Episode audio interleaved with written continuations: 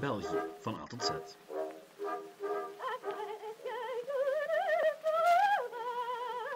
Welkom bij België van A tot Z. En welkom bij de laatste aflevering gewijd aan letter U. U voor Unie, specifiek de unies van Utrecht en Atrecht, al is dit vooral een reeksje geweest over de opstand. De opstand tegen de Spaanse koning Philips II, wel te verstaan. Dit is een reeksje dat we vandaag afronden met de oprichting van de Unie van Utrecht. Als alles goed gaat, sluiten we vandaag dit hoofdstukje af met de val van Antwerpen en het moment dat de opstand overgaat in een reguliere oorlog. In deze aflevering hebben we het dus over de Unie van Utrecht, die van Atrecht, een zekere Farnese, de val van Antwerpen en nog veel meer. Dat in deze aflevering van Geschiedenis van België.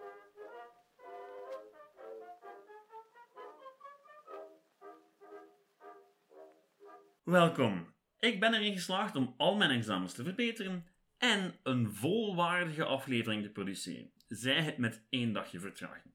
Mijn excuses, maar ik ben eerlijk gezegd al heel blij dat dit nog gelukt is.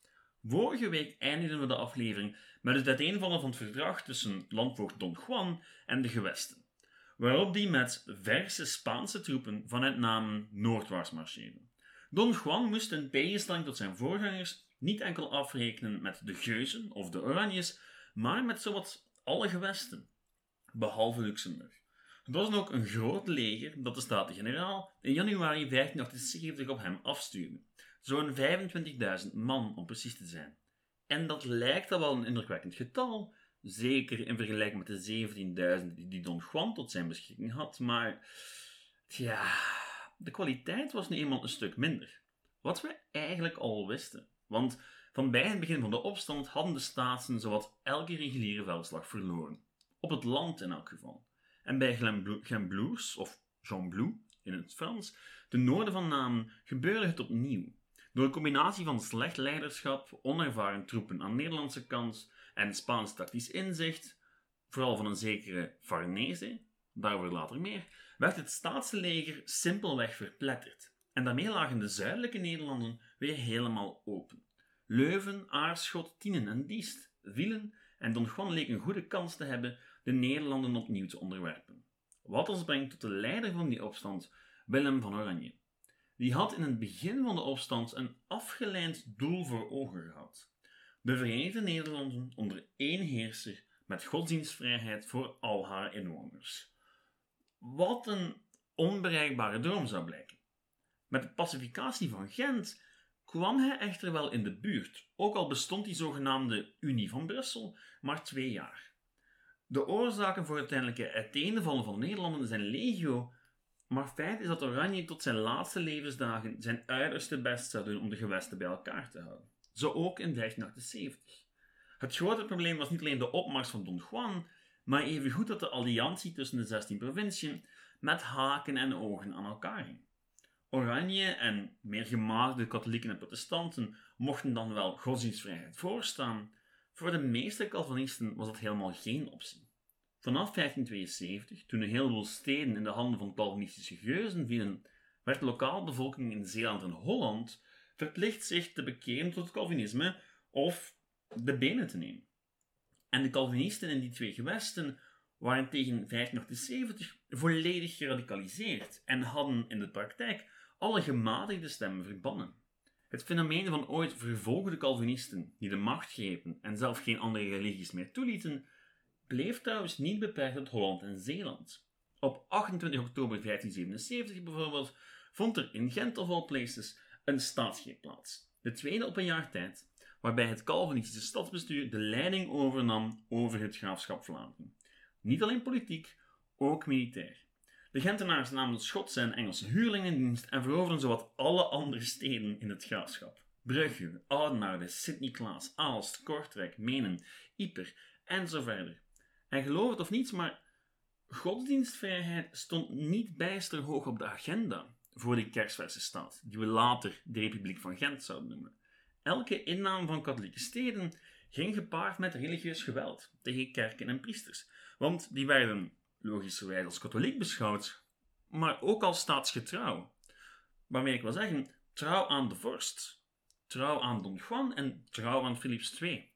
En Dat zou ervoor zorgen, het idee dat elke katholiek per definitie trouw was aan de koning, zou ervoor zorgen dat wat begonnen was als een opstand die ging over de vorst, die ging over rechten, die ging over privileges, zou uiteindelijk een religieus conflict worden.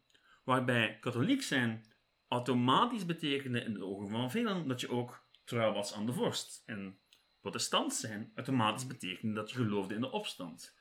Wat in het begin helemaal niet het geval was. En dat zou het voor Willem van Oranje heel moeilijk maken om iedereen bij elkaar te houden en van die Nederlanden ja, een staat te maken waar men kon geloven wat men wou.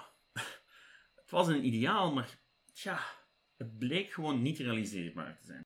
En als er geen geweld was, dan betekende de overgang naar de kant van de opstandelingen wel vaak het voorlopige einde van de katholieke godsdienst in die plek. In 1978 bijvoorbeeld koos Amsterdam eindelijk de kant van de opstand en werden in één beweging alle parochiekerken en kapellen omgedoopt tot protestantse kerken. Het zullen de acties van die nieuwe Calvinistische besturen zijn die in grote mate zullen bijdragen aan het uiteenvallen van de Nederlanden. Niet dat elk nieuw Calvinistisch bestuur zo extreem was. In Antwerpen bijvoorbeeld, waar een navolging van Gent eveneens een Calvinistische staatsgreep plaatsvond, was men een stuk gematigder. En men zou daar nooit even ver gaan, maar even goed werd daar in 1581 de katholieke godsdienst verboden. Oranje probeerde op het einde van de jaren 70 van de 16e eeuw de opstandige gewesten samen te houden, maar achteraf gezien is het redelijk duidelijk dat het uiterst moeilijk zou zijn om iedereen bij elkaar te houden. En dat een intelligente en capabele Spaanse landvoogd wel eens in staat zou kunnen zijn om alles uit elkaar te kunnen spelen. Wat me tot die persoon brengt. Alexander Farnese, oftewel de hertog van Parma. Niet Don Juan. Want die Don Juan die overleed aan tyfus in zijn legerkamp in 1578. Niet dat Don Juan die persoon zou geweest zijn zonder zijn vroegtijdig overlijden. De man was dan wel een capabel generaal. Zijn diplomatieke aanpak van de omstandige gewesten liet wel wat te wensen over. En hij had eerlijk gezegd ook weinig om mee te werken. De Spaanse staatskas bleef angstaanjagend leeg en met militaire vertoon alleen kon hij dus weinig bereiken op lange termijn. Zolang de staten genoeg geld hadden om Engelse en Schotse huurlingen aan te nemen, konden ze zich herstellen van nederlagen. En na elke overwinning volgde er meestal wel een nederlaag voor de Spanjaarden. Na de slag bij Gembloes volgde de slag bij Rijmenam, die dan gewoon verloor. En niet lang na die nederlaag overleed, overleed hij in een, in een legerkamp aan tyfus. Wat me tot Alexander Farnese brengt. Die functioneerde al een tijdje als luitenant van Montjuan en kreeg na dienst dood al snel de positie van landvoogd aangeboden door Philips II. Maar Farnese was eigenlijk veel meer dan een legercommandant. Hij was ook de zoon van Margaretha van Parma, de voormalige landvoogdes van de Nederlanden en bijgevolg een kleinzoon van keizer Karel. En hij maakte volop gebruik van de kloof die zich aan het openen was tussen de gematigde en minder gematigde gewesten. De Gentse Calvinistische Republiek, die het bewind over Vlaanderen had overgenomen, joeg meer conservatieve regio's zoveel angst aan dat ze in die geradicaliseerde protestanten langzamerhand een grotere dreiging zagen dan de Spaanse koning en zijn lokale vertegenwoordiger, landwoord Farnese. En zo zijn we dan eindelijk bij de Unie van Atrecht aangekomen. Die werd vroeger, en zeker in de Nederlandse geschiedenis, wel eens afgeschilderd als een bond van verraders, die de kant van de vorst kozen en alles wat bereikt was sinds 1566 zomaar verwierpen. Wat eigenlijk helemaal niet klopt. De Unie van Atrecht was een verbond tussen enkele zuidelijke gewesten, die even voordien in 1576 nog de pacificatie van Gent mee ondertekend hadden. En met de Unie van Atrecht op 6 januari 1579 verlieten Artesië, Henegouw en Douai de pacificatie, de pacificatie van Gent. Maar wat stond er nu in dat verdrag?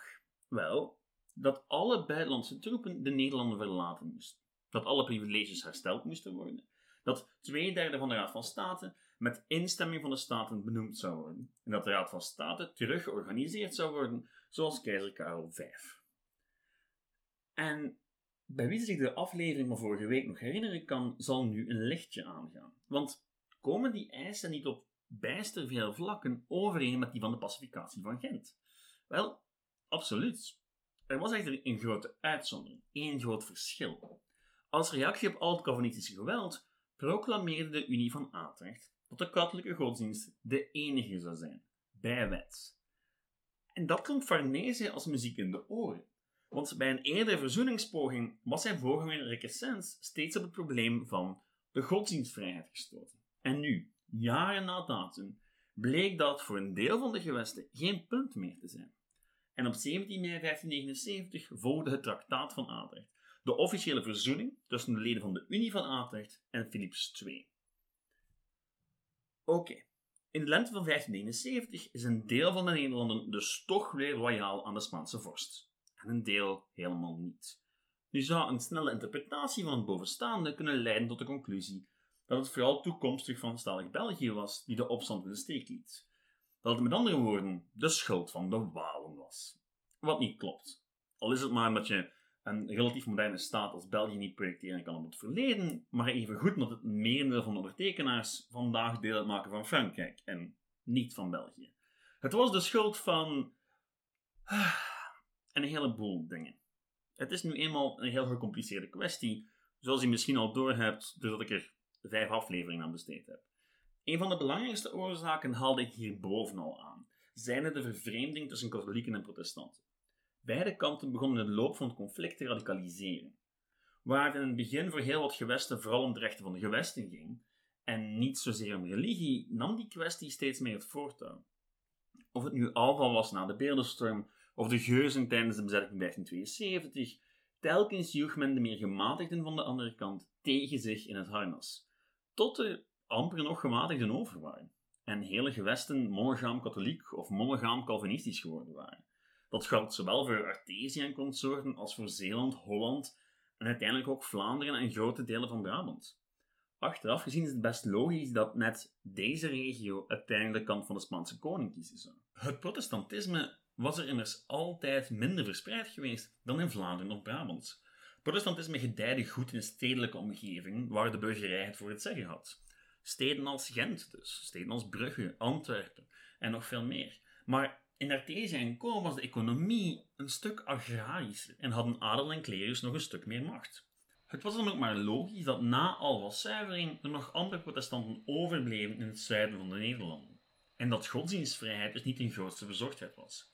Al zeker niet als men daar in Vlaanderen, Holland en Zeeland sowieso al weinig rekening mee leek te houden. Dus was de opstand voor die zuidelijke gewesten in 1579 eigenlijk enkel nog een kwestie van verzet tegen de centralisering, het behoud van de eigen privileges en militaire veiligheid. Zaken die ze met het traktaat van Atrecht eindelijk kregen. En dat was het begin van het einde van de Nederlanden als een cultureel, economisch en politiek geheel. Je kan dat begin natuurlijk een stuk vroeger leggen, maar de realiteit is dat tot 1579 er van een echte definitieve splitsing nog geen sprake was. Met de Unie van Atrecht echter werd die langzaam maar zeker onvermijdelijk. Want op de Unie van Atrecht volgde die van Utrecht. Niet dat die zomaar uit de lucht viel. In werkelijkheid was die al maanden, zo niet jaren in de maak. Het initiatief voor dat verbond kwam in de eerste plaats uit de gewesten Zeeland en Holland. Uit Calvinistische hoek dus. Het mag dan ook niet verbazen dat het opzet van de Unie van Utrecht fundamenteel verschilde van die van de pacificatie van Gent. Die laatste was een duidelijke eis voor meer zelfstandigheid onder de vorst. Holland en Zeeland waren, ook al zeiden ze dat niet zo letterlijk, waren eigenlijk net onder die vorst uit. Met dat doel in het achterhoofd probeerden ze vanaf 1578 steeds meer gewesten aan hun kant te krijgen. Jan van Nassau, de enige nog overlevende broer van Willem van Oranje, werd stadhouder van Gelre en dit zijn uiterste best om niet alleen Gelre, maar ook alle omringende gewesten aan zijn kant te krijgen. Nu, dat lukte wel, maar in sommige gevallen was er wel een staatsgreep voor nodig. En toch bleven heel wat andere gewesten trouw aan de pacificatie van Gent. Onder meer omdat het plan dat voorlag voor velen veel te ver ging. En toen kwam de Unie van Atrecht en hadden de overgebleven opstandige gewesten nog maar weinig keus. Op 23 januari 1579 werd de Unie van Utrecht ondertekend door Gelre, Zutphen, Holland, Zeeland, Utrecht en de Ommelanden. Maar wat stond daar nu eigenlijk in? Wel, om te beginnen verklaren de gewesten dat ze naar buiten toe als één gewest zouden optreden, maar intern zichzelf zouden blijven regeren. Een confederatie, met andere woorden, die buitenlandse zaken en militaire aangelegenheden samen zouden regelen. Wat me eigenlijk onmiddellijk al brengt tot het allerbelangrijkste dat je weten moet over de Unie van Utrecht. Het was dan wel een nadere Unie, maar bij lange na nog geen moderne natiestaat. Het belangrijkste doel van de Unie was gezamenlijk weerstand te bieden aan de Spanjaarden. Wat blijkt uit volgende punten.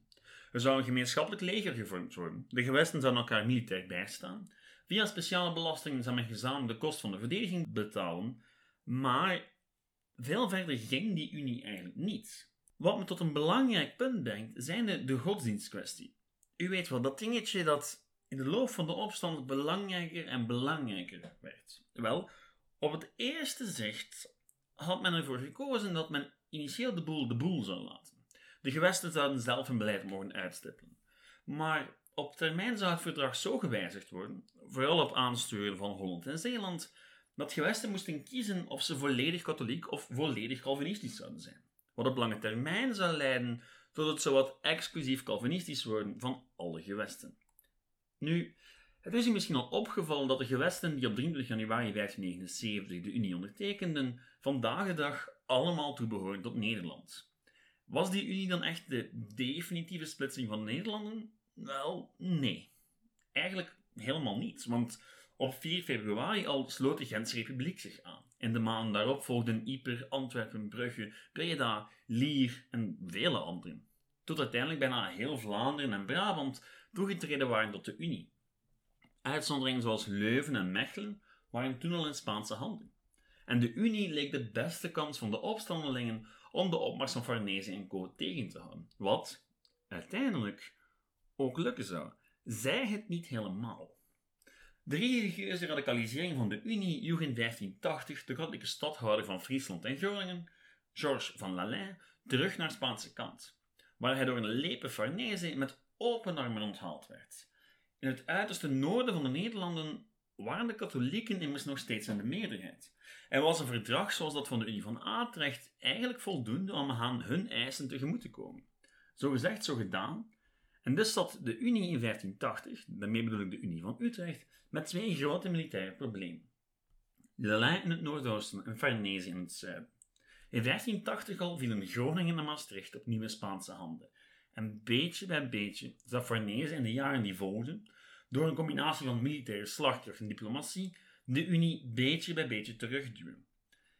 En net daardoor verhardde dat verzet alleen maar aan de staatse kant. Want nu was er echt geen weg meer terug. En op 26 juli 1581 verbrandde men alle bruggen achter zich, met de akte van verlatingen. En voor één keer in de geschiedenis vertelt de titel van een document u exact wat het is.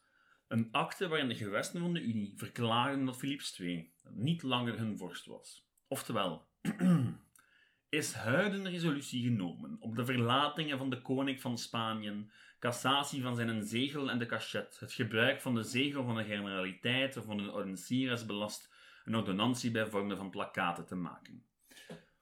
Ofwel, Philips II is onze vorst niet meer en zijn zegel is niet meer geldig. Wetten komen niet meer van hem af. Wetten komen van de generaliteit of de Staten-Generaal. En daarmee maakte men een einde aan een juridische fictie die op dat moment al meer dan tien jaar aansleepte. Het idee namelijk dat men in opstand was tegen het Spaanse gezag, maar niet tegen de vorst zelf. Men wou gewoon een andere regeling van de onderlinge verhoudingen, niet de vorst verwijderen of de eigen onafhankelijkheid claimen. Dat mag in hedendaagse ogen dan wel absurd lijken, maar was tijdens de middeleeuwen eigenlijk schering en inslag.